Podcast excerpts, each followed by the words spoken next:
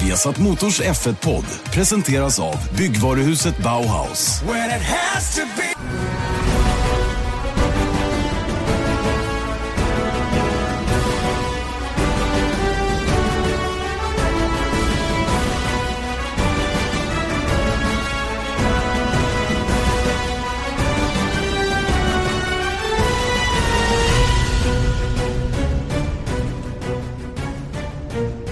Gott nytt år och eh, mycket välkommen till eh, årets första Formel 1-podd. Janne Blomqvist, Erik Stenborg tillbaka igen och ehm, så här efter nyåret så börjar man ju känna lite grann av en nystart.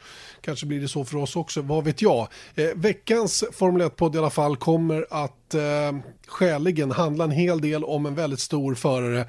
En förare som kanske är den största genom alla tider. Vissa tycker det, andra tycker det inte. Eh, jag velar lite fram och tillbaka. Jag pratar förstås om Michael Schumacher som idag när vi spelar in den här podden den 3 januari fyller 50 år. Eh, Michael Schumacher som eh, innehar en hel mängd rekord i Formel 1-historien men som man nu på senare år minns framförallt för den tragiska olyckan han var med om då 2013. Skidolyckan som alltså gjorde att han numera Eh, inte figurerar officiellt. Eh, vi vet egentligen inte hur statusen är på honom så här långt. Eh, mer då i denna eh, Formel 1-podd så ska vi, som vi utlovade faktiskt förra veckan redan, prata lite grann om det här med hur man utbildar sig till förare. Om det går att utbilda sig till förare, respektive ingenjör eller vad det nu är in i den här branschen, borde det finnas ett Formel 1-universitet till och med? Och går det att få till i sånt fall? Det är min tankegång i alla fall. Eh, Marcus Erikssons 97 starter i Formel 1, det blir ju inga fler på ett tag. Eh, i alla fall. Eh, hur står sig de rent statistiskt? Det har Erik Stenborg tagit reda på. Erik som för övrigt, eh, vi hälsar välkommen. Hallå? Har du, har du pratat klart nu eller? Nu har jag pratat klart. Ja, det är bra. Ja, men jag, jag mår bra. Hur mår du? Jag mår toppen. Det har varit en oerhört lugn jul och nyårshelg faktiskt. Senast vi spelade in podd var ju dagen efter julafton på juldagen.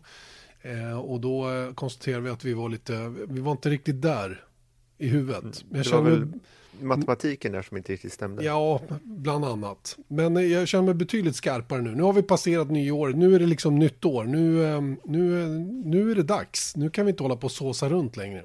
Nej, vet du? Det är, för att ta lite matematik då. 105 000 eh, minuter till den 17 mars. Sådär ja. 1752 timmar, 73 dagar, 10 veckor och 3 dagar. Det är alltså 20% av 2019 måste vi komma igenom då för att vi ska komma till den 17 mars och då är det premiär i Australien. Så nu är det dags att vi liksom hugger i lite. Ja, precis. Och ähm, ja, men det är, jag börjar känna det där. Det börjar driva på lite grann igen nu. Man, man, som vi har ju pratat om det tidigare, det här med att man, man är lite, det är lite vad ska jag säga, man, man har fått lite överdos då i slutet på varje säsong. Men sen så går det ganska snabbt att komma in i det igen. Och det här är ju trots allt en säsong utan någon svensk på startlinjen. Och, och trots detta så har jag i alla fall samma nerv. Mm.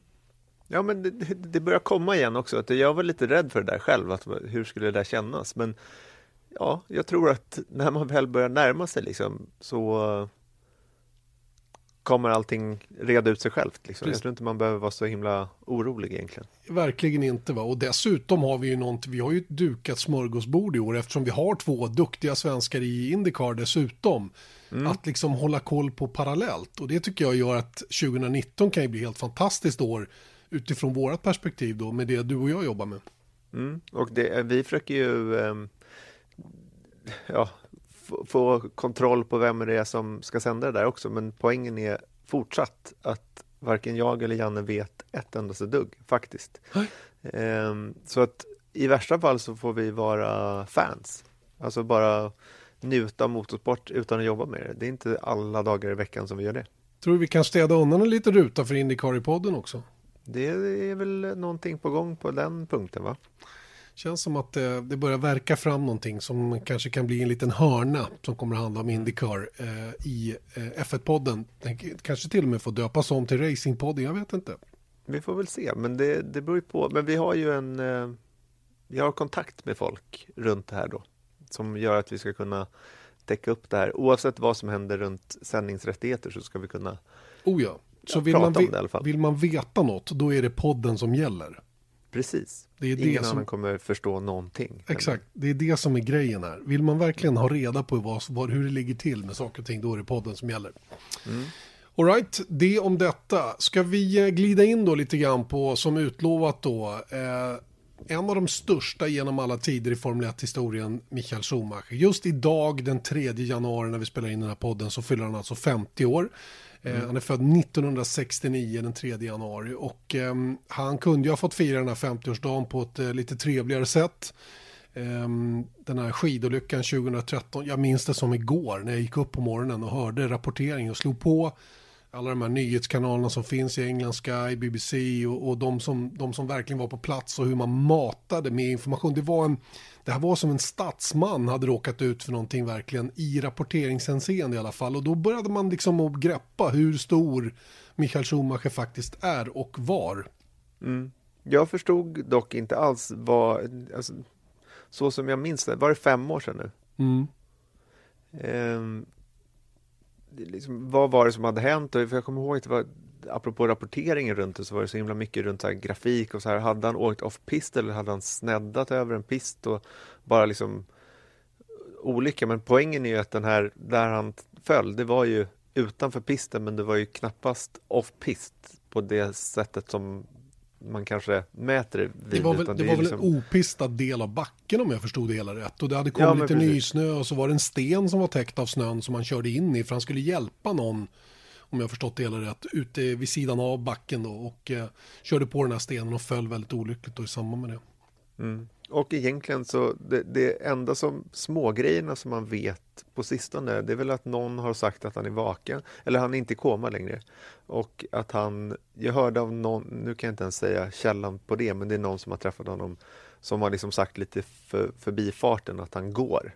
Ja, det var en advokat va? som sa Ja, det, tror det var jag. säkert så det var. Mm. Som, I övrigt så eh, vet man ju absolut ingenting. Nej, nej, det gör man faktiskt inte. Och det, där, det där har ju diskuterats fram och tillbaka hundra gånger om, eh, det, han heter Felix Damm, den här advokaten, eh, som sa då i en tysk domstol att eh, hans klient kunde inte gå. Eh, och, och sen då, eh, och detta då var som en, som en ehm, det var som ett, ett svar då på lite falska rapporter som hade kommit då december 2015 i Dibunte. Där eh, några hade sagt att han kunde gå några steg. Eh, och sen dess har man väl egentligen inte fått några eh, uppdateringar huruvida han, han, han kan röra sig eller inte. Va? Vi, eh, vi, har ju, eh, vi har ju sett på nära håll vad en sån här hjärnskada innebär för människor i alla fall. Och vi har ju dessvärre då ett fall i Sverige då med Anna Holmlund då, eh, skikrossåkaren. Och, och det är lätt att sätta sig in i hur det skulle kunna se ut för Michael Schumacher i det här läget när man, när man ser hur, hur hon har drabbats av den här fruktansvärda olyckan som, som hon var med om då. Där hon också slog, slog i huvudet väldigt hårt då i en, en skidbacke. Mm. Ja, I- var... I, ja, förlåt. Ja, nej, men jag, jag jobbade ju med Anna under, inför OS i Sochi eh, 2012, var det 13? 14? 14 var 14 var OS, Ja, du vet. apropå siffror. Ma matten. ja, men det var länge sedan i alla fall. Ja. Nej, men då gjorde jag en dokumentärserie som heter Drömmen om Sochi som gick på TV3. Där vi följde sex eh, idrottare under ett helt år inför OS i Sochi. Och eh, då var Anna en av dem. Och då hade hon redan då hade lite problem med knän och allting sånt där. Och sen så var den här ja, sagoslutet när hon tog brons i Sochi då. Och sen så, så vi, vi jag ska inte säga att vi blev bästisar på något sätt, men vi, vi eh, blev goda vänner och cyklade mm, racercykel tillsammans och sådana där saker. Och sen så hände det där väldigt tråkiga, faktiskt. Eh, sen så är ju hon, hon har ju ändå... Där kan man snacka om att de har valt en annan väg, sett till eh, hur man kommunicerar runt det. Att hon, hon, eh, hon är ju väldigt öppen fortfarande och eh, visar vem hon är. Eh, medans det är väl det som har lett till väldigt mycket spekulationer runt Schumacher. Att, han, eh, att det inte kommer ut någonting och att de har lyckats stänga ner allting. Det finns ju spekulationer och, och, och vissa, är sak, vissa saker är säkert sanna som kommer ut men det stängs ner av hans mångåriga pressrepresentant Sabine Kem som har det som, liksom, som yttersta eh, roll är bara att håll allt un, håll allting under luckan liksom. Visst, Visst. Man vet ju inte, när det kommer ut någonting så vet man ju inte om det är sant eller inte, men allting demonteras ju av Schumacher-familjen. Och det tycker jag tyder på att det är säkert inte speciellt bra ställt med Schumacher. Nej, det är det ju Från naturligtvis magen, inte. Hade det varit bra med honom, då hade vi ju naturligtvis fått träffa på honom, eller se honom. Eh, nu är, får vi inte det, och det, då drar ju åtminstone jag slutsatsen, att slutsatsen att det inte är bra. Åtminstone är han på ett sätt så att familjen bedömer att det är bättre att inte visa någonting utåt. Och det har jag den fullaste respekt för. Jag behöver inte veta mer än så. Det räcker så. Jag behöver inga, jag behöver inga fler detaljer runt omkring det hela. Det räcker med den med det statementet så att säga från familjen att vi håller hans fysiska väl och ve privat och vi ber om att ni respekterar det. Och då får man göra det. Det, det, det finns liksom inget annat att välja på. De som eventuellt har insyn, Jean Tott, eh, Ross Braun med flera som jobbade väldigt tajt med Michael Schumacher, de vet ju naturligtvis exakt hur läget är. De har träffat honom vid ett flertal tillfällen, va? men alla håller korten väldigt tajt till bröstet. Och eh, jag tycker det, det hedrar faktiskt hela Formel 1-communityn att det här inte har läckt ut. För det finns en hel del människor som vet. Men, men ingen säger någonting. Och du kan gå runt till 99,9% av folket i depån idag och ställa frågan. Ingen svarar. Ingen svarar. De säger bara att de inte vet. Nej. Och vissa tror jag inte vet heller, som Nej. har varit nära. Jag träffade en person, jag behöver inte nämna honom vid namn, men jag vet att de liksom var lite halv, inte nära, men de kände varandra i alla fall. Och han var väldigt eh, noggrann med att påpeka att han, ha- hur många gånger han hade träffat honom efteråt. Liksom, på ett sätt som jag nästan kände att du kanske inte alls har träffat honom, men det är viktigt för dig att ha träffat honom. Förstår du? Att, Och det är också, igen, magkänsla, så det kanske är supertaskigt av mig ehm, att tänka så. Men han är ju en sån ikon. Så att ha, att liksom vara på den som sitter på informationen men väljer att inte säga det. Jag tror inte att det stämmer för Ross Brown eller någonting, att det är någon egen värde för dem, absolut inte. Men jag tror att vissa som var kanske lite mer perifera i hans liv kanske ja, hur som helst, jättekonstig utläggning men, men eh, Jean Tott pratade vi med i somras eh, när vi gjorde den här Ninas Formel 1 och eh, han menar ju att de träffas ja, flera gånger i månaden och han berättade ju själv att han hade sett eh, Brasiliens Grand Prix tillsammans med, med Schumacher och sånt där så de verkar ju träffas ofta i alla fall. Mm. Och jag menar om man träffas ofta så, jag menar, det är det, det som stör mig lite apropå det du säger runt familjen, att jag tycker absolut att man ska respektera deras vilja eh, att hålla det här privat. Sen så är han ju en sån stor ikon, det, han har ju enormt mycket följare och folk som gillade honom och ser upp till honom också. Så på ett sätt så kan jag tycka att det blir lite, vad ska man säga, att jag ska inte säga att de förtjänar, alla, alla förtjänar inte att veta hur, hur Schumacher mår, men liksom någon indikation hade varit skönt för sinnesfriden kanske. Men har du inte fått det då? Just med tanke på att de inte, vi- alltså är det inte det vi har fått? Indikationen är att han är inte i form att träffa folk publikt. Det är för mig, Mm. jag, jag resonerade exakt som du gjorde i början. Tyckte att vad fasen, kom igen nu, det sitter miljoner människor runt om hela världen och har följt honom och, och sett till att han är så pass förmögen som han är på Mm. olika sätt. Och så, och, så, och så kan man liksom inte lägga, lägga korten på bordet. Så att ge oss, ge oss som följer honom Ballpark-grej. någonting känner bara. Bara, Mm. bara att han rullas ut i en rullstol eller vad det nu är. Och Jag så behöver, jag behöver inte se någon, utan bara berätta liksom. ja, så här ligger det till. Så här var skadan och så vidare. Ja. Nej, jag, men jag släppte det där efter ett tag. För att jag, jag kände liksom så här att Nej, det är inte vårt beslut, så det, det, är det- deras och då får man respektera det. Ja, men lite så är det ju faktiskt. Va? Och vi kan, vi kan ju inte påverka det. Och, och därför tycker jag det är extra kul att man har släppt fram Mick Schumacher nu, hans son. Mm. Att han faktiskt tävlar på så pass hög nivå. Och det är samma sak där. Han behandlas med en oerhörd respekt Mm. när det gäller just de här frågorna. För, för jag menar, inte vet jag om man har en fördomar mot kvällstidningsjournalistik eller tabloidjournalistik. Att de varje chans de fick skulle kasta de här frågorna på Mick Schumacher. Hur är det med pappa? Hur är det med pappa? Är det sant att det är si? Är det så? Bla, bla, bla. Men ingen, ingenting sånt förekommer ju, som jag har sett i alla fall, runt omkring Mick Schumacher. Jag hoppas verkligen att han får chansen att vara sig själv. Mm. Eh, på ett sätt så, så att han kan liksom föra arvet vidare då in i Formel 1 då, precis som hans pappa gjorde och farbror också för den delen. Mm. Ja, man får se hur det går för honom för att om Mick Schumacher tar sig till Formel 1 då blir också medietrycket mycket hårdare. Ja. Så att, och jag menar det är ju lite den där elefanten i rummet situationen gissar jag runt de flesta som känner Mick Schumacher ändå att de alla vet att han är Michaels eh, son. Så att jag menar det är klart att det är inte så att folk inte undrar när de träffar Mick Schumacher heller, utan, men man respekterar honom.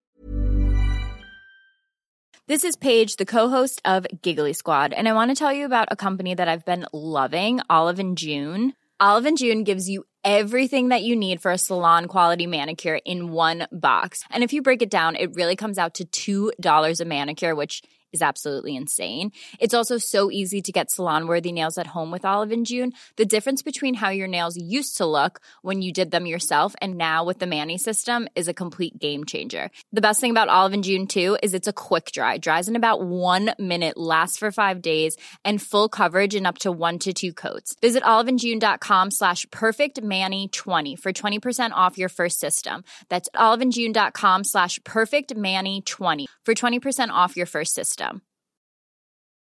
Say hello to a new era of mental health care. Cerebral is here to help you achieve your mental wellness goals with professional therapy and medication management support. 100% online. You'll experience the all new Cerebral Way, an innovative approach to mental wellness designed around you. You'll get a personalized treatment plan from a therapist, prescriber, or both in a safe and judgment free space. Your cerebral therapist or prescriber will outline a customized plan with clear milestones along the way so you can get to feeling your best. With Cerebral, you're not alone in your mental health journey. We're here to empower you to live a fulfilling life. So take that first step towards a brighter future and sign up today at cerebral.com slash podcast and use code ACasts to get 15% off your first month. Offer only valid on monthly plans. Other exclusions may apply. Offer ends July 31st, 2024. See site for details. Kanske genom att inte fråga, men eh, det kan nog bli lite tuffare mm, ju kanske. högre upp i stegen han kommer. Kanske. Ja, det ska bli spännande att se. Jag är helt övertygad om att Mick Schumacher kör Formel 1 eh, inom ett par år senast. Mm. Jag tror inte det dröjer längre. För att har de valt att ta honom så här högt som till Formel 2 då är det inget snack om att målsättningen och ambitionen är att ta sig till F1. Och det kommer de att lösa i den familjen på ett eller annat sätt. Han har sånt starkt värde PR-värde också. Va? Så att, eh, det, det, tror jag är helt lugnt. Men, men vi, vi, kan väl släppa Mick Schumacher lite grann. Titta lite på, på Michael Schumachers karriär då. När, när mm. såg du honom själv första gången? Jag såg honom för första gången i eh, Portugal, Estoril. Portugals Grand Prix 1997. Och då var det andra året för Ferrari. Eh, det var mitt första F1-race som jag och min pappa besökte. Och då kommer jag redan då ihåg jag var väldigt förtjust i Jacques Villeneuve och Damon Hill då, så jag var ju, höll ju på dem. Men jag kommer ihåg, jag kommer inte ihåg hur det gick för Schumacher, men jag kommer ändå ihåg att det var en stor grej att ha sett honom redan då. Mm. Då var jag 15 år gammal. Så 97 eh, Portugal. Och det, när var det då? Det var... Ja, hittade jag ens Portugal det här året? Eller var det 96? Ja, men jag Portugal, vet att... Det var det. 96 var det. För då, då kördes Portugal som näst sista racet då. Mm. Det var Så... inget Portugals 97? Nej, inget Portugal 97. Utan 96 var sista året man körde på Estorilla, det stämmer. Han blev nice. trea där. Mm. Jag har en bild på, på starten. Jag satt i första kurvan, kommer jag ihåg. Ja, men det var stort i alla fall. Nu kommer jag inte ihåg året, uppenbarligen. Men, men eh, jag var helt säker på att jag hade sett Jacques Villeneuve. Och det var väl Jo, men det var ju 90... Mm. Men Jacques Villeneuve ja, det var 96, 96 ja just det. Mm. Och så vann Jacques Villeneuve. Det, det kanske han gjorde. ja, nu klickar du bort det där. Ja, hur som helst, det var stort i alla fall. Och sen så Jacques Villeneuve det... vann före ja. Damon Hill, Michael Schumacher. Så var det. Ja, så någonting kommer jag, kommer jag ihåg i alla fall. Det var ju skönt att höra i alla fall. Nej, men det var stort och sen så är det kul tycker jag Precis som det är att jag har sett Wayne Gretzky spela hockey. Eh, precis på samma sätt som det, att man har följt en person som är så pass stor, kanske den allra största eh, sett till resultat och ja, men jag, jag, tycker att han, han är för mig uppe tillsammans med Senna där uppe. Faktiskt. Absolut, och för mig är det nästan mer Michael Schumacher än Senna. Eh, Senna, eh, jag menar mitt, mitt starka, starka intresse för Formel 1 kom ju faktiskt precis i skarven. Och mm. jag håller faktiskt med Damon Hill som på Twitter skrev att man fick aldrig se den där fighten mellan Senna och Schumacher på allvar. Och det är ju någonting som vi verkligen blev berövade på med olyckan som hände då i San Marino 1994 när, när Ayrton Senna tyvärr gick bort. Mm. Eh, och tänk dig den rivaliteten, om vi, för den, den hade ju utan vidare kunnat pågått i fem år. Mm. Och, och, jag menar, Senna satt i en väldigt, väldigt bra bil. Benetton var på väg att bli riktigt, riktigt bra. 94 hade man inte riktigt samma motorkraft som, som, eh, som eh, Williams-bilen var. Men man hade ju Renault-motor från 95 och framåt. Och, och sen om Schumacher hade flyttat till Ferrari och sen hade kört vidare i något annat team. Mm. Eller, det hade, de hade kunnat bli teamkamrater. Inte vet jag. Det hade kunnat, mm. det hade kunnat vara hur cool som helst. Va? Men det blev vi faktiskt berövade på då med, med olika 94. Så för mig är Schumacher faktiskt mer mer signifikativt för, för Formel 1 eh, än någon annan förare då eftersom dels jag började själv kommentera Formel 1 97 det vill säga eh, när han hade blivit världsmästare två gånger eh, och tagit steget över till, till Ferrari. Och det är någonting som är så oerhört starkt. Mm. när han flyttade från Benetton. Mm. hur kunde han flytta från Benetton? Han, hade, han skulle ha ljusblå overall och helt plötsligt skulle han gå runt i röd. Det var helt otänkbart för mig. Av någon mm. konstig anledning. Jag hade liksom fastnat i huvudet. Och hur han gick till Ferrari som man tittade ner lite på. Visst, det var en sån bitvis snabb bil och sådär va. Men det var sällan de höll och det var mycket strul i det där teamet och hela den grejen. Men herregud, om man tittar på vad de hade gjort. Att han, han gick från världsmästarstallet. Mm. Benetton till Ferrari som inte hade vunnit någonting på, vad var det, 17 år? 79, 79 blev de ju världsmästare då. Eh, ja tidiga, tid, eller gången innan. Då. Mm. Ja, men då stämmer ju det. Och, mm. och eh, det är faktiskt någonting som Jean Tott pratar om igen då i Ninas Formel 1, att det var ju han, in, han förstod vad Jean Tott ville göra med Ferrari och den vägen de hade vandrat hittills. För att Jean Tott anslöt ju till Ferrari 94 och på de två åren så hade de ändå börjat liksom ta sig. Och han förstod ju det som Jean Tott uttrycker då i alla fall, att Schumacher förstår att om han får igenom de här visionerna som Jean Tott hade så kommer det ge en extra dimension. Att vara en vinnare och ta världsmästartitlar tillbaka till Ferrari. Vilket var precis det som skedde ju. Mm. Han ja. är ju om någon helgonförklarad i Italien. Verkligen, verkligen. Ja, fascinerande och det här genidraget att få fiska med sig rätt gubbar ifrån, eh, ifrån Benetton också då. Pat Simmons, eh, eh, Ross Braun inte minst och Rory Byrne var väl var väl också hos Benetton i det här läget och följde med ja, över till, till Året därpå. Året därpå ja. kanske det var. Så, så, att jag menar, hur de än gjorde så, så byggde de ju verkligen, de, de satte ihop den, den rätta formulan så att säga. Och lite likt faktiskt det Mercedes har gjort sedan de klev in i Formel 1 och 2010 och, och hur de byggde upp teamet under tre år Eh, fyra säsonger egentligen då innan man slog till dem med regeländringen som skedde 2014. Mm. Eh, och eh, jag tycker inte, för det var någon som påtalade, jag vet inte om det var på Twitter, någon som sa, vi pratade Lewis Hamilton senast och förklarade hur stor vi, eller åtminstone jag tyckte att han är och står sig i, i konkurrensen. Va? Och då var, det, då var det någon som menade på att, ja men ehm, eh, titta på hur Schumacher och de gjorde när de satte ihop sitt team. Jag tycker faktiskt att Mercedes har, har inte varit långt ifrån att göra samma grej med den sammansättning av team som man har haft där borta. Mm. Med Schumacher faktiskt. Med Schumacher, eh, som man då värvade in då till säsongen 2010. Och jag läste på lite grann om det, just den grejen. Vi, vi hoppar lite fram och tillbaka i hans karriär nu då. För att eh, nu var vi ju alldeles nyss i, i Benetton och i skarven till Ferrari. Eh, men sen, sen så slutade han ju efter säsongen 2006. Eh, och, och gick i pension så att säga då. Eh, var otroligt nära att göra comeback då när, när eh, Felipe Massa gjorde sig illa. Eh, mm. Fick den här fjädern i huvudet och inte kunde ställa upp i ett antal race. Och Schumacher blev faktiskt bekräftad som den som skulle hoppa in istället. Problemet var att Ferrari, han fick inte testa 2009 års bil. Eh, och det, det gjorde att eh, Schumacher drog öronen åt sig, han ville inte och så skyllde man på att han hade en nackskada från en motorcykelolycka som gjorde att det till slut inte blev någon comeback för hans del. Då. Men jag är rätt övertygad om, och det är inte bara jag som är det utan det har jag hört från annat håll, att han drog sig ur för att han fick inte den möjligheten att testa bilen som han ville ha för att inte åka ut där och inte känna att han var förberedd mm. på rätt sätt. Jag vet att han testade GP2-bilar. Ja, det gjorde han. På Paul Ricard, kommer jag ihåg, så fick han köra den. Så, så att förberedelserna var ju igång liksom. Och, det, mm. och, och, just den testen av GP2-bil, det var väl också ett led i att förbereda sig för comebacken i Mercedes då 2010.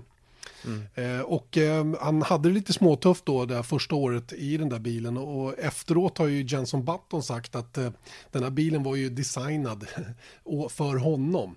Så Schumacher hade väldiga problem med, med de här lite smalare framdäcken då och bilens ganska kraftiga understyrning då. Och det, är, det är ju spekulationer naturligtvis, men, men så, är det, så har Button i alla fall uttryckt det i efterhand då. Button som körde för Braun då innan det blev Mercedes 2009 och eh, som nog hade förhoppningar om att stanna kvar i teamet då 2010 men eh, som blev blåst på den möjligheten då när man valde eh, Michael Schumacher och Nico Rosberg istället. Mm. Det är ganska roligt om man tittar då på, apropå comebacken i Mercedes. Om man ser på, han körde ju då 2006, det var hans sista säsong. Då han tar sju vinster, tolv pallplatser, fyra pole positions och sju snabbaste varv. Han kommer tvåa i VM. Eh, men ingenting skedde 2007. 2008, då körde han ändå sex dagar tester. Körde alltså eh, 2038 kilometer körde han 2008 enligt eh, Forix på Autosport och mm. 2009 då så testade han en eh, 2007 års Ferrari på Mugello 67 varv och det var väl där han kände att han var inte redo att ta, ta, ta sig an eh, 2009 års Ferrari då när inhoppet kom och istället så tog ju Luca Badoer och Giancarlo Fisichella den styrningen. Just det, och det var inte så roligt för någon av dem så det kanske var Nej. tur att Schumacher inte hoppade in. Badoer hade ju, han var ju bedrövlig ärligt talat och Fiskella gjorde väl ett okej okay jobb i alla fall tycker jag.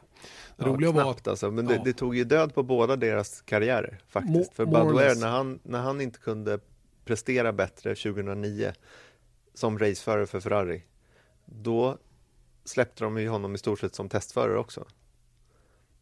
Minns jag. Jag tror att hans roll blev kraftigt förändrad i minsta mm. fall. Mm. Just bara för att det här, the optics som vi pratar om ibland, att det ser inte bra ut när någon liksom i stort sett kommer 18 eller vad det nu var han blev 2009 och eh, ändå testar.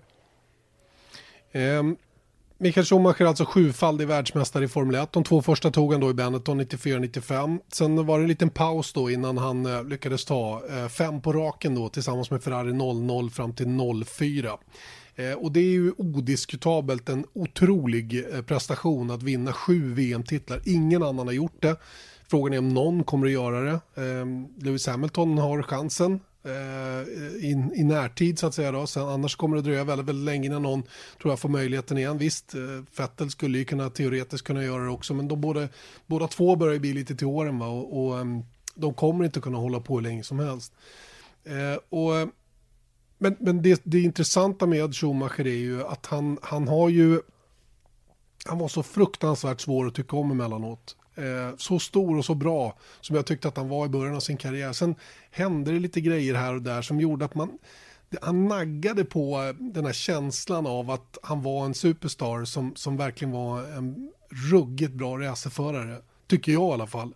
Mm. Det hände lite små grejer. Det började egentligen redan 94 då med finalracet i Adelaide eh, som jag satt och kollade, men jag var inte, jag kollade inte, jag vet inte, jag, jag uppmärksammade inte situationen eller såg den inte på det sättet som den blev rapporterad från början hur han eh, körde av och, och sen styr ut på banan igen och tar med sig Damon hela banan. Jag förstår ju efterhand vad han var ute efter eftersom det räckte med att båda bröt för att han själv skulle bli världsmästare och det var ju också det som, som hände. Han ledde ju VM med en poäng inför det, inför det loppet. Då. Just det, och du, du, har ju, du var ju med Nina då, Nina Kennedy och träffade Damon Hill och, och fick hans syn på det hela. Han tycker jag i, i det tv-programmet var ju väldigt balanserad i hur han såg på den situationen som, som blev väldigt bespottad av många då efter det där racet.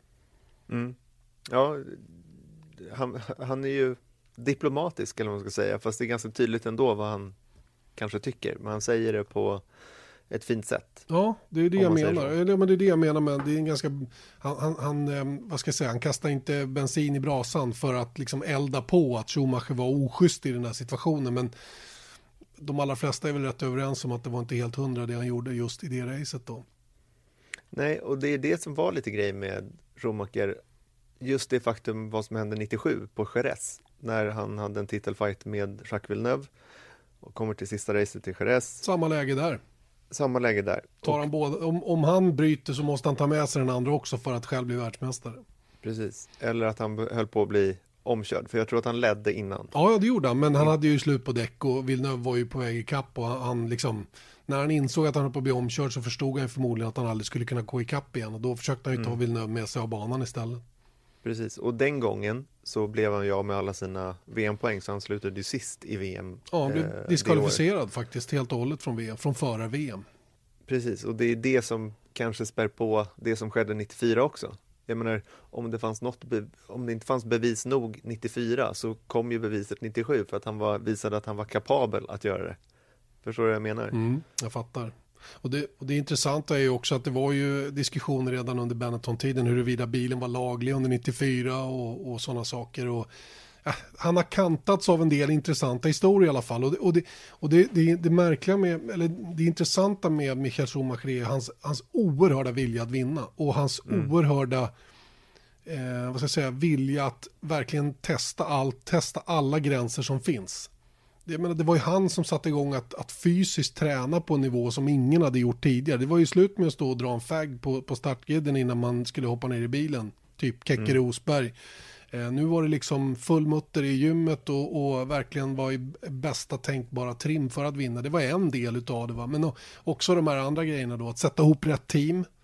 Att till och med i sitt kontrakt skriva in att han inte fick ta stryk av en teamkamrat. Mm. Eh, det, det, det, finns ju så många saker som, som han har ändrat på i Formel 1.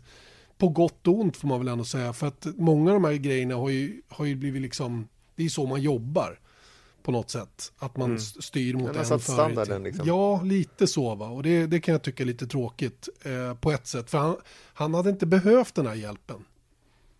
Visst, han hade kanske inte blivit sjufaldig världsmästare utan det. Men mm. det hade varit roligare att se honom. Det är bättre att man tar fyra titlar då och får slita lite och kanske torska en och annan. Om man inte är en galen vinnarskalle, vilket han var. Så jag tror inte att han har no någon som helst ånger också. Det är lite så som man börjar känna lite runt typ en sån som Lance Armstrong. Som tog sju Tour de France-segrar i cykel då. Och han har ju erkänt och visat sig ångerfull och allting sådär. Men i slutändan så tror jag att han är inte speciellt ångerfull heller. För att han vet att alla andra dopade sig. Exakt. Och då tyckte han att han dopade. Say hello to a new era of mental health care. Cerebral is here to help you achieve your mental wellness goals with professional therapy and medication management support. 100% online. You'll experience the all new Cerebral way, an innovative approach to mental wellness designed around you. You'll get a personalized treatment plan from a therapist, prescriber, or both in a safe and judgment free space. Your cerebral therapist or prescriber will outline a customized plan with clear milestones along the way so you can get to feeling your best. With Cerebral, you're not alone in your mental health journey. We're here to empower you to live a fulfilling life. So take that first step towards a brighter future and sign up today at cerebral.com slash podcast and use code ACasts to get 15% off your first month. Offer only valid on monthly plans. Other exclusions may apply. Offer ends July 31st, 2024. See site for details. Både sig bättre mm. än de andra han, han, under gjorde, tiden. Liksom. Han, han, gjorde, gjorde det rätt. Han gjorde det säga. som krävdes och lyckades då därmed vinna. Mm, mm, precis, och jag menar, visst det finns en logik i det men det, mm. det är ju kanske inte utifrån. Men jag förstår att en sån, ja, nu liksom likställer jag inte Lance Armstrong och Michael Schumacher men det är vinnarskallen någonstans i slutändan som, som gör det där, att det spelar ingen roll. Jag tror inte han hade någon Ågren överhuvudtaget och det är samma sak med vad man hört Mark Webber uttala sig om, om Vettel och Multi 21 i Malaysia. Jag menar det var ju mm det, det var helt fine för honom. Han mm. brydde sig inte ett dugg. Det var som att titta in i ett svart hål där och försöka stirra ut Sebastian Vettel och försöka få honom att känna dåligt samvete. Ja, det fanns inget dåligt samvete. Jag menar, det, det är någonstans på den nivån så tror jag att det finns sådana aspekter som krävs också, även om de inte är speciellt trevliga. Men just, kanske inte för att vinna ett race här och där, men kanske för att vinna en VM-titel så tror jag det måste vara extremt egoistisk och nästan lite galen. Fråga Nico Rosberg. Ja, mm. faktiskt. Mm. Det är ett bra han, exempel. Han tog ju också det till en, till en annan nivå när han kände att han kanske på ren fart eller i bilen eh, fick kämpa lite för mycket så behövde han hitta lite andra, andra grejer, inte vet jag.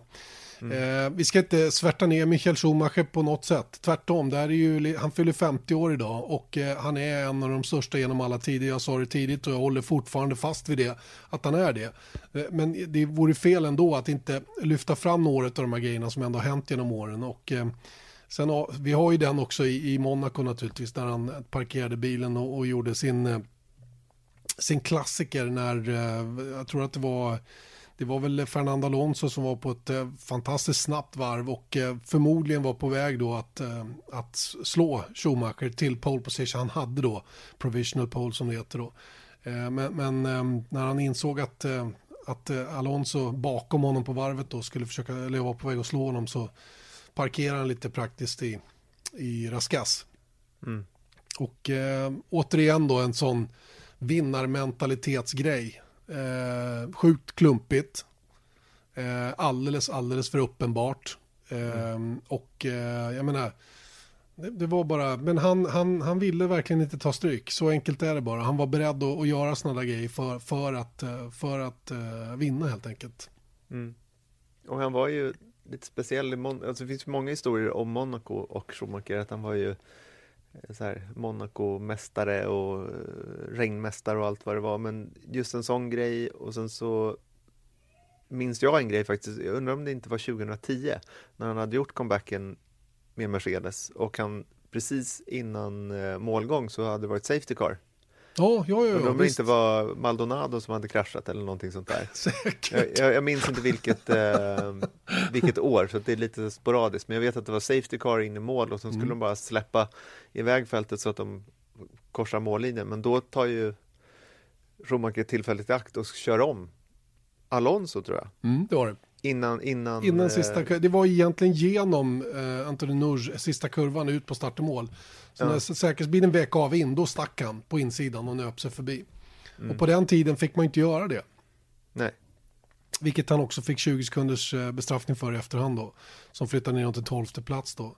Eh, men, men äh, grejen är att idag har man ju ändrat på de reglerna. Så han, han, där var han ju också med och, och ändrade standarden så att säga. Mm.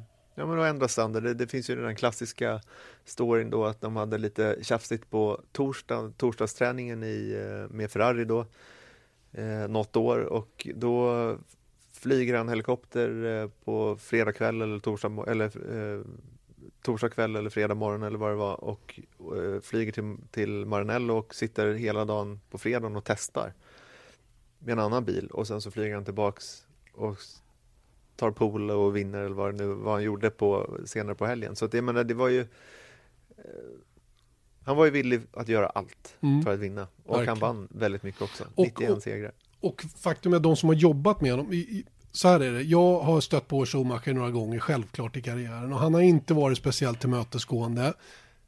Lite lik Nico Hülkenberg i sitt sätt att, att bemöta mm. en på något sätt. Va? Där eh, totala ignoreringen av att, att jag är där och jobbar liksom. Va? Fullständigt bara ville inte överhuvudtaget. Va? Och, uh, jag hade en grej, jag vet inte om jag berättade förr, men det var under Race of Champions när jag körde. Jag tror att det var det året Mattias Ekström vann. Så skulle de två köra i final mot varandra och, och jag hade försökt få en kommentar av, av, uh, av Schumacher hela kvällen och han bara sprang förbi. Och han sprang verkligen förbi när han såg att jag var beredd. Liksom. Han, han, han insåg att jag ville ha tag i honom. Mm. Och, till, och till slut så sa jag det, men hallå, nu ska du köra mot en svensk, Mattias, det kom igen nu. Och då stannade han och så svarade han på en fråga och så gick han. Och han mm. svarade knappt, det var ett ord typ. Och, och, det, var lite, det var lite så som han var också. Han, han var inte intresserad av de där bitarna utan han, han körde sitt eget race på det viset. Och eh, jag har glömt bort vad jag skulle med den här historien. No. Men eh, jag skulle någonstans i alla fall. Eh, mm. Vi är inte riktigt igång. inte riktigt igång ännu. Nej, men han, Jag har en liknande upplevelse med honom, men då, jag känner ju ändå att det är en bucket list-grej. Jag har ju berättat det tidigare, men att när jag gjorde en intervju med honom i Texas 2012 och eh, jag står i den mixade zonen. Jag tyckte ändå att han bemötte en, eller liksom rent utstrålningsmässigt så såg han glad och intresserad ut sådär. Och så steg han fram till mig och jag har förberett någonting väldigt, jag kommer inte ihåg det här, men eh, vad det var jag skulle fråga, men jag, liksom, jag vet att han kan vara kort, så nu måste jag ställa någonting bra, kort och koncist, så han liksom inte tappar intresset, och sen så, men ändå någonting som man inte bara kan svara ja eller nej på. I slutändan så vet jag svaret i alla fall var not really, och sen så går han. ja, Så jag bara, vilken ja, intervju. ja, det var inte ja eller nej, men liksom så. Jag vet vad jag ville med resonemanget. Mm. Det var nämligen så här att eh, även om vad, vad man än tycker som utomstående om Michael Schumacher, hur man blev behandlad som journalist eller sådana som inte liksom ingick i, i familjen på något sätt så har ju alla vittnat om vilken, vilken fantastisk teamplayer han var på insidan. Hur han tog hand om alla, och hur liksom, och det, och det är också en del av hans storhet tror jag, det här att, att, eh, att få alla att jobba för honom. Och det är inte så lätt alla gånger att, att, att nå dit så att säga. Va? Och han hade en enastående förmåga att få alla att känna sig liksom, eh, delaktiga i den här familjen. Och jag tror i synnerhet i ett team som Ferrari är ju det grymt viktigt. För, för hur, även om det var en, en anglosaxisk ledning eh, till stor del eh, i Ferrari under de åren han var där så hade han ju ändå en massa italienare som jobbade. Eh, Och de, de, de är känslomänniskor va? Och, eh, och teamet är ju fortfarande omvittnat väldigt känslomässigt. Så, så att det där, han, han, eh, jag, jag, jag tror att det var också en av hans enorma styrkor. Det var det här att, att samla ihop styrkorna på något sätt. Och verkligen få alla att dra åt ett håll. Och han levererade. Om han bad om någonting, någonting utöver det, det, det ordinära så att säga. Va? Så, så, så, om han då fick det så betalade han tillbaka genom att vinna. Mm. Jag har faktiskt en rekommendation i ämnet lite och det är eh, Formel 1 egna podcast Beyond the Grid som i ett av avsnitten intervjuar Rob Smedley eh, som ju jobbade i Ferrari under lång tid och med massa framförallt. Det är väl där han blev liksom känd för lite mer allmänt. Men han beskriver också just att jobba tillsammans med Schumacher och då beskriver han precis det du pratar om att hur hans liksom work ethic eh, hur det smittade av sig på alla, även när andra föraren också i, eh, i, i Ferrari. Och han berättar liksom 2007, 2008 där när, när Schumacher har lämnat stallet, han var ju där som någon slags advisor och sånt där men det, men det blev ju eh, liksom lite för långt bort då för att han hade inte kört bilen och eh, och, och han beskriver det själv som, jag tror att han använde ordet rudderless, alltså roderlösa, eh, efter att han hade lämnat eh, stallet, vilket ändå säger ganska mycket när han vann VM 2007 och var ytterst nära 2008. Så var det ändå så liksom, att eh, hans, eh, att det faktum att han lämnade stallet eh, gjorde mycket för, eller liksom, det blev sämre för Ferrari utan att ha Schumacher där. Ja, men det ja, absolut. Åren du menar var 5 och 6 va? Inte Eh, 7 inte sju och 8. Ja, man lämnade ju Ferrari. 2006. 2006. 2007 så gick han i pension. Ja, men det är det jag menar, att han Ja, var ju ja, kvar okej. som Ja, en advisor där då. Då är jag med. Då är jag med. Mm. Eh, ja, nej, men en fantastisk människa. Läser man vidare då om hans personliga liv så har han ju också varit, eh, menar, han har varit oerhört generös när det gäller att ge bort pengar till, till välgörenhet och sådana saker. Va? Och de sista fyra åren läser jag mig till här så donerade han åtminstone 50 miljoner dollar. Mm. Vilket är en hel del. Eh, och jag menar, han, han, eh, han, eh, han hade många sidor skulle man kunna säga. Mm. En ganska kantig men också en, en stor mjuk sida. Ja. Och sen är frågan, var han det Stig? Nej, Du tror inte det? nej. För den 21 juni 2009 så var han med på BBCs, på den tiden BBCs Top Gear som det Stig då. Och eh, Jeremy Mm. Vilket var Clarkson. ganska kul. Ja, Att jag, de eh, ja, det var ju en spoof liksom. Så han, han var ju med på Top Gear, men jag kommer ihåg, det finns på Youtube, så ta Michael Schumacher The Stig på Youtube så, så ser man hela den grejen, att då sitter han i, eh, i, i soffan där och sen så säger de så här, men ta av dig hjälmen då. Han bara nej, och så skakar han på huvudet och så, så till slut så tar han av hjälmen och så ser man att det är Schumacher. Men det roliga är att när man vet att det är Schumacher så ser du på hans gångstil och sättet han Mm. sitter att det där är Schumacher som sitter där. Mm. Men det är inte han som var där. Nej, nej det Alltid. var det faktiskt inte. Eh, och anledningen till att han var där då är ju bekräftat i efterhand då var ju för att Ferrari inte lät någon annan förare köra den one of a kind Black Ferrari FX6 Mm. som var med i det där programmet. Så that's Mm. why. Eh, Schumacher ja, som sagt 50 år idag, 91 segrar i Formel 1, 155 pallplatser, 68 pole positions, startade från första startled 116 gånger, 77 snabbaste varv och 1566 poäng genom karriären. Han tävlade i Formel 1 i 16 825 varv och eh, ledde 5111 av dem. mm. Impressive. Mm. Under sina år i Formel 1 så, så ehm, ehm, var han alltså alldeles sämre än fyra kan man säga då. Han blev ju diskad då som sagt 97 och han var femma 99 men då bröt han ju benet och körde bara 10 race. I övrigt så hade han en fjärde plats då i Formel 1 1993 annars var det etta, två eller trea. Samtliga år utom de tre sista med Mercedes då när han var 9, 8 och 13 men de räknar inte jag riktigt för det var inte då, då, var, då var inte bilen på den nivån riktigt. Och sen då ganska många avarter i din eh, statistik där att han aldrig var sämre än fyra. Ja men jag, jag har Alltså mitt fem eget... avarter. Ja, man kan, man kan få fram vad som helst med, eh, med statistik. Ja, det var bra. Jag tyckte din statistik var bättre Eller än hur? den riktiga. Eller hur? Ja. Eh, ja, det känns som att vi har avhandlat Michael Schumacher och eh, det faktum att han fyller 50 år just idag när vi spelar in den här podden. Vi har säkert glömt en hel del och jag gissar att många av er har massor med andra minnen. Eh, saker som vi borde ha kommit ihåg eller som, eh, ja. Men, men så är det. Men när man, eh, man, man plockar fram det man har på hårddisken så där i, i, längst fram åtminstone. Viasat Motors Formel 1-podd då fortsätter och eh, efter att ha pratat väldigt, väldigt länge eh, om Michael Schumacher så har vi ju några små ämnen kvar innan vi stänger butiken för idag, eller hur? Mm, det har vi. Ett favoritämne som du har ruvat på i flera veckor. Så nu ska det bli intressant att se på vad, det kommer fram till här. Just Jag har det, höga förväntningar. du skrev, du skrev någonting här, Formula One University och det är, precis, det är precis så mina tankar har gått. Och det var faktiskt när jag, när jag eh, satt och kollade på, på Damon Hill i Ninas Formel 1-programmet där. eh, om Damon Hill som jag tänkte lite extra på det. För han pratade om att han hade, han hade kört någon driving school eller vad det nu var för någonting. Och så, och så bara lät jag tanken rusa i huvudet om hur funkar det egentligen? Hur ser världen ut idag och hur mycket pengar spenderas eh, på olika nivåer för att, för att bli en väldigt framgångsrik racerförare? Och finns verkligen möjligheterna att, att utbilda sig på rätt sätt för att, eh, för att gå hela vägen så att säga. Va?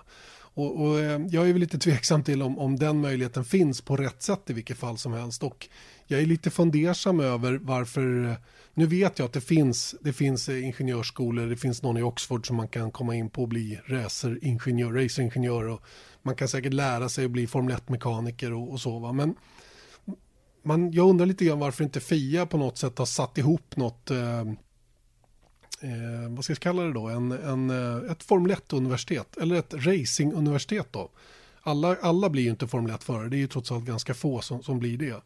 Eh, Men, men, men eh, någonstans en, en, en samlad, eh, där alla federationerna i hela världen gick ihop och placerade sig på någon bana i världen. Eller kanske hade olika, olika de kanske hade filialer. Säg fem, fem, sex, en på varje kontinent. Inte vet jag. Det finns ju alla möjliga sätt och där man samlade alltihopa. För hur den är så är det väldigt många ungdomar då som, som börjar köra go-kart. Och det spenderas redan, i- redan i go-kart en ohygglig massa pengar. Sen ska man då upp i formelbil och det fortsätter att spendera en himla massa pengar. Och eh, kanske, kanske skulle det vara bra för, för sporten att man eh, gjorde det lite enklare för talanger att, att, eh, att bli duktiga genom att man eh, inte bara kastade ut dem i det här sponsorjagandet på en gång utan att man kanske går igenom en, inte vet jag, tvåårig utbildning eller någonting i den stilen. Men vad skulle syftet vara då i form av i slutändan? Vad, vad blir bättre av det här? Är det att, upplever du då att, liksom att rätt förare inte tar sig till Formel 1?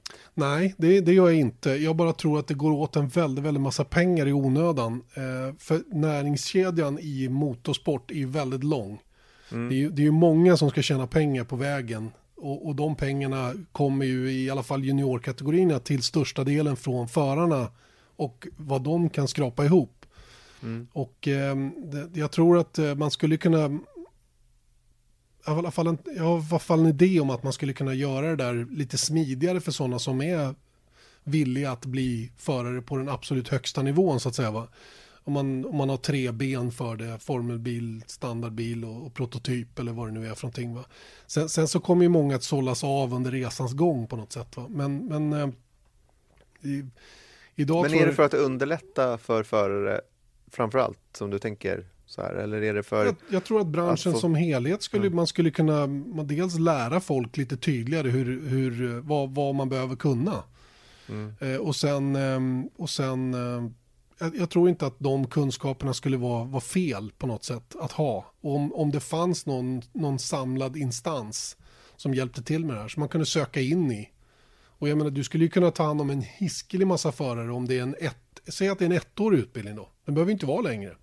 Mm. Där man kommer in och så går man och så lär man sig. Så kanske man slipper göra en massa misstag som, som eh, många annars gör då i, i, sin, i sin jakt på att nå hela vägen fram. Och man kanske där på den utbildningen får reda på att nej men eh, det här var inte för mig. Mm. Och så vidare. Jag hör vad du säger. Jag tänker dock på att det här är ju lite...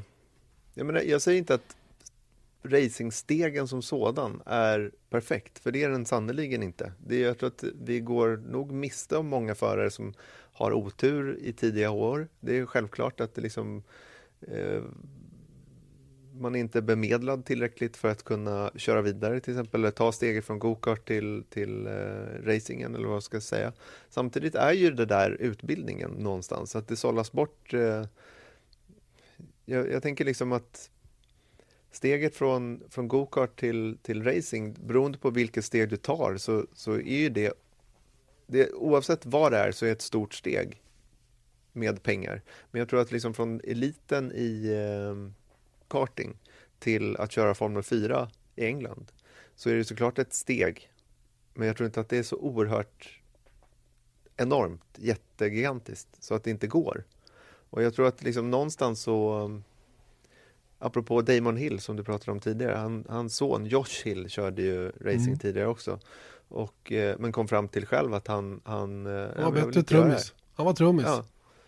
Ja. han vill inte göra det. Och nu är han förarinstruktör på Mercedes. Eh, liksom någonstans alltså, centralt i, i, i England istället. Och, och jag, menar, jag, jag vet inte, det känns som att det sållar ut sig självt. Så jag, jag skulle nästan hellre, jag menar, det finns ju racingskolor och allting sånt där för att ta licenskurser och, och, och komma igång och liksom lära sig grunderna.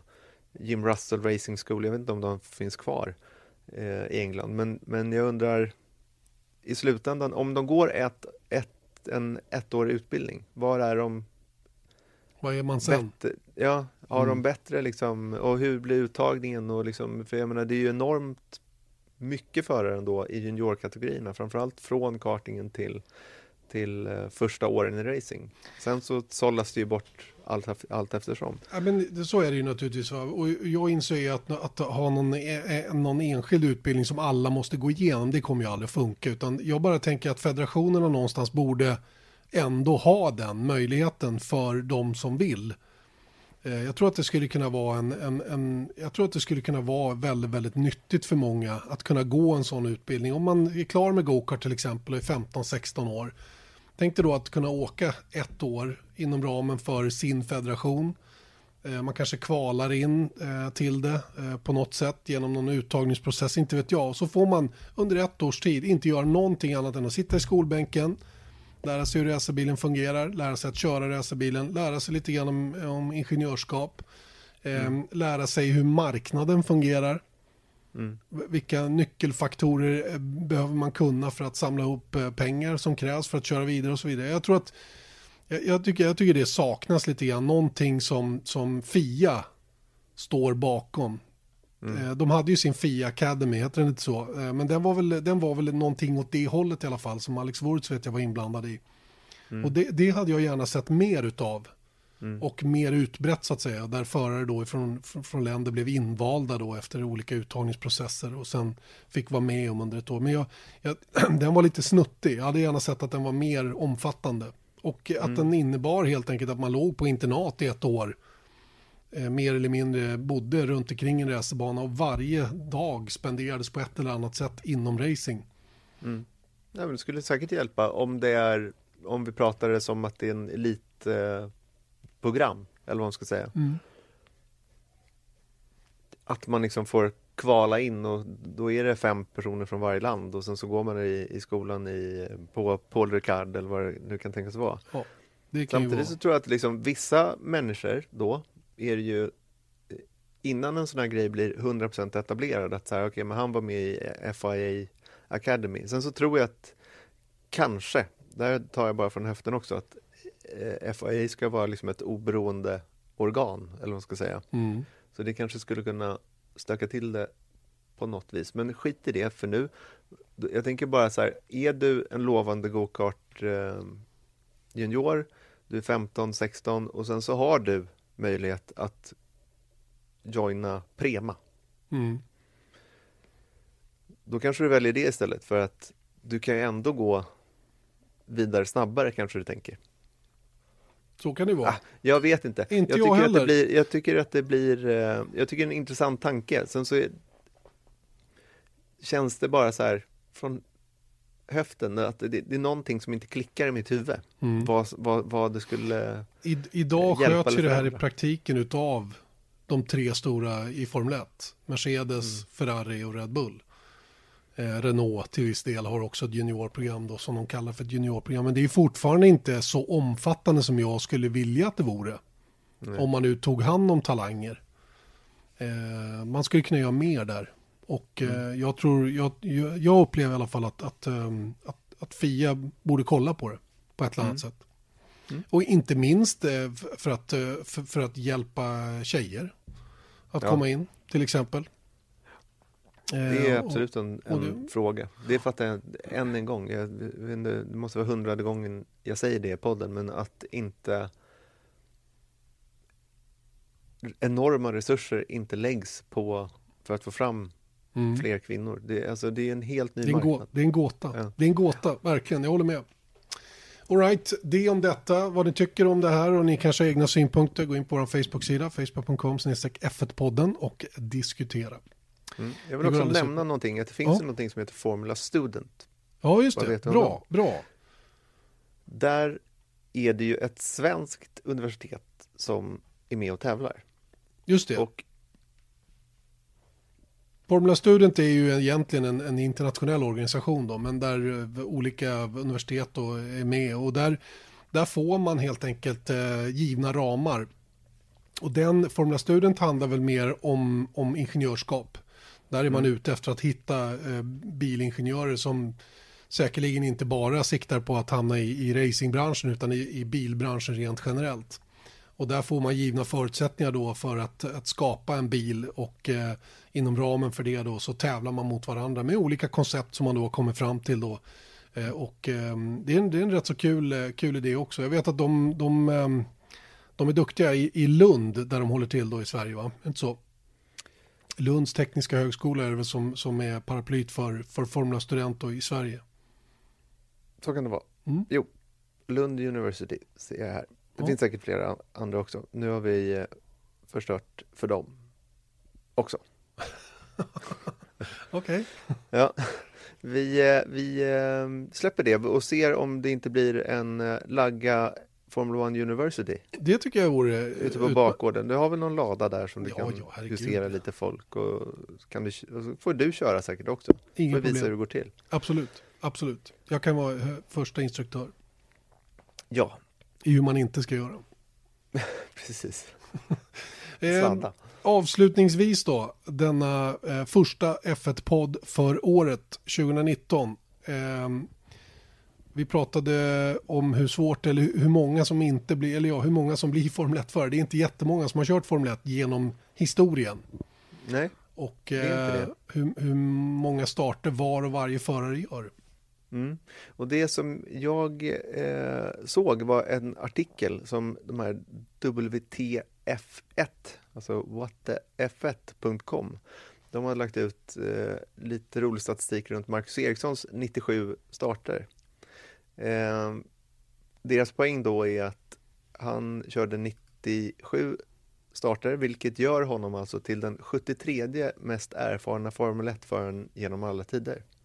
Det är ganska starkt ändå, när man ser på så, på så sätt. Och poängen är då att de redovisar att det är 761 förare som har startat i ett VM-lopp i Formel 1. Inräknat Indy 500 när det var en del av, av eh, Formel 1, men inte då de, i de fallen när man startade med en Formel 2-bil i ett eh, F1-race. Men bara det, då fick jag lite så här, wow, att han är 73 mest erfarna. Ganska starkt ändå. Och sen så radar de upp ett antal förare som han har faktiskt mer erfarenhet av. Mer F1-erfarenhet av än de här ikoniska förarna. Mm. Och jag kan bara tillägga då att han är ju tredje, den tredje mest erfarna svensken. Någon gång har jag sagt att han var näst är, Då fick du skit. erfarna. Ja, då fick jag skit och det skulle jag ha. Mm. För att eh, Ronny Pettersson har flest starter, 123 stycken, Jo Bonnier 104, sen så då Marcus Eriksson på 97. Det hade kunnat vara 100 jämnt om han inte hade hoppat av Caterham Just det. säsongen 2014. Och då hade han faktiskt varit ensam på 100 starter i F1-historien. Jaha. Hur som helst. Ehm, nu drar jag upp de här exemplen som Kör. Kör hårt. Eriksson har mer erfarenhet. Jim Clark, 72 starter. Då fick jag, när jag såg den första, jag bara what? Jim Clark, han är ju en sån här ikon som många liksom, om du frågar det lite äldre gar- gardet i Formel 1 som var med när det begav sig, då säger de allra flesta att Jim Clark är ju kanske den deras favoritförare eller den främsta föraren som de någonsin sett. Sen så säger inte det att Eriksson är bättre, men han är mer erfaren, för han gjorde bara 72 starter. Jean Pablo Montoya gjorde 94 starter genom sin, han, sin karriär. Chris Amon, Chris 96 Amon. starter. Chris Ja. Amon. Ja. Mm. Chris Amon. Eh, Gilles Villeneuve, 67 starter. Gilles Villeneuve, Mm. 67 starter bara. Och Robert Kubica, 76 starter. Han kan ju bygga på det där åtminstone ett år till. Och vad får han om han kör 21 race? Då får han 97 Ja, starter. ser. om man fullföljer nästa säsong då. James Hunt, 92 starter. Och sen så en Maurice Trignant, 81 starter. Det var när det begav sig lite senare, 1950 gjorde han debut. Så jag jag skyller på uttalet på det. Och Pastor Maldonado, 95 starter. Mm.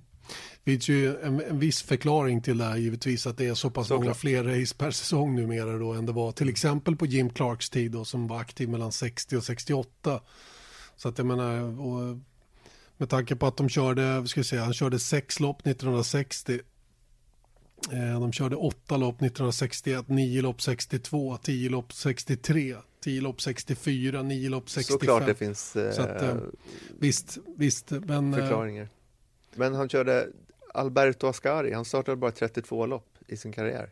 Farina 33, Mike Hawthorne 45, Phil Hill 47, Fangio 51 starter. Mm. Sen så, såklart, som du också säger, men jag blev ändå, jag tycker det var lite rolig statistik om inte annat. Ja, han har kört många Formel 1-lopp i alla fall. Mm. Kan vi konstatera i det närmaste hundra stycken. All right. Känns det som att vi har eh, fått med det vi skulle få med idag? Ja, jag tycker det. Det är lite råddigt som vanligt, men vi kommer Oj. igen. Det är ju, du ska vara råddigt. Det är en podd där. Mm. Poddar är råddiga. Det har jag hört från andra poddar.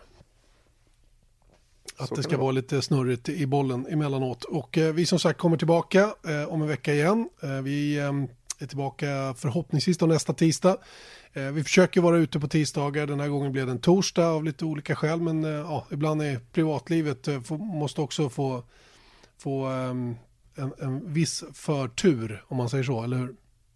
Den här gången, i det här fallet handlar det om diskmaskiner. Jaha, utan att gå in på mer på det. sådär ja. Var, var hon inte hemma alltså? Diskmaskinen alltså? Den, den, den var hemma men den, den eh, var sönder. Så Fattar då inte var jag tvungen att ta barnen på ryggen och gå och köpa en diskmaskin och installera den. Det gjorde jag helt själv. Ja, Kände mig som ett geni. Ja, men det är bra. Det tog typ åtta timmar men nu sitter den där. Men nu diskar ni igen. Ja precis, det gör vi. All right Erik, vi tackar så hemskt mycket. Eller jag tackar för idag. Vi eh, hörs om en vecka igen. Det gör vi. Ha, det gott. bra. Hej hej.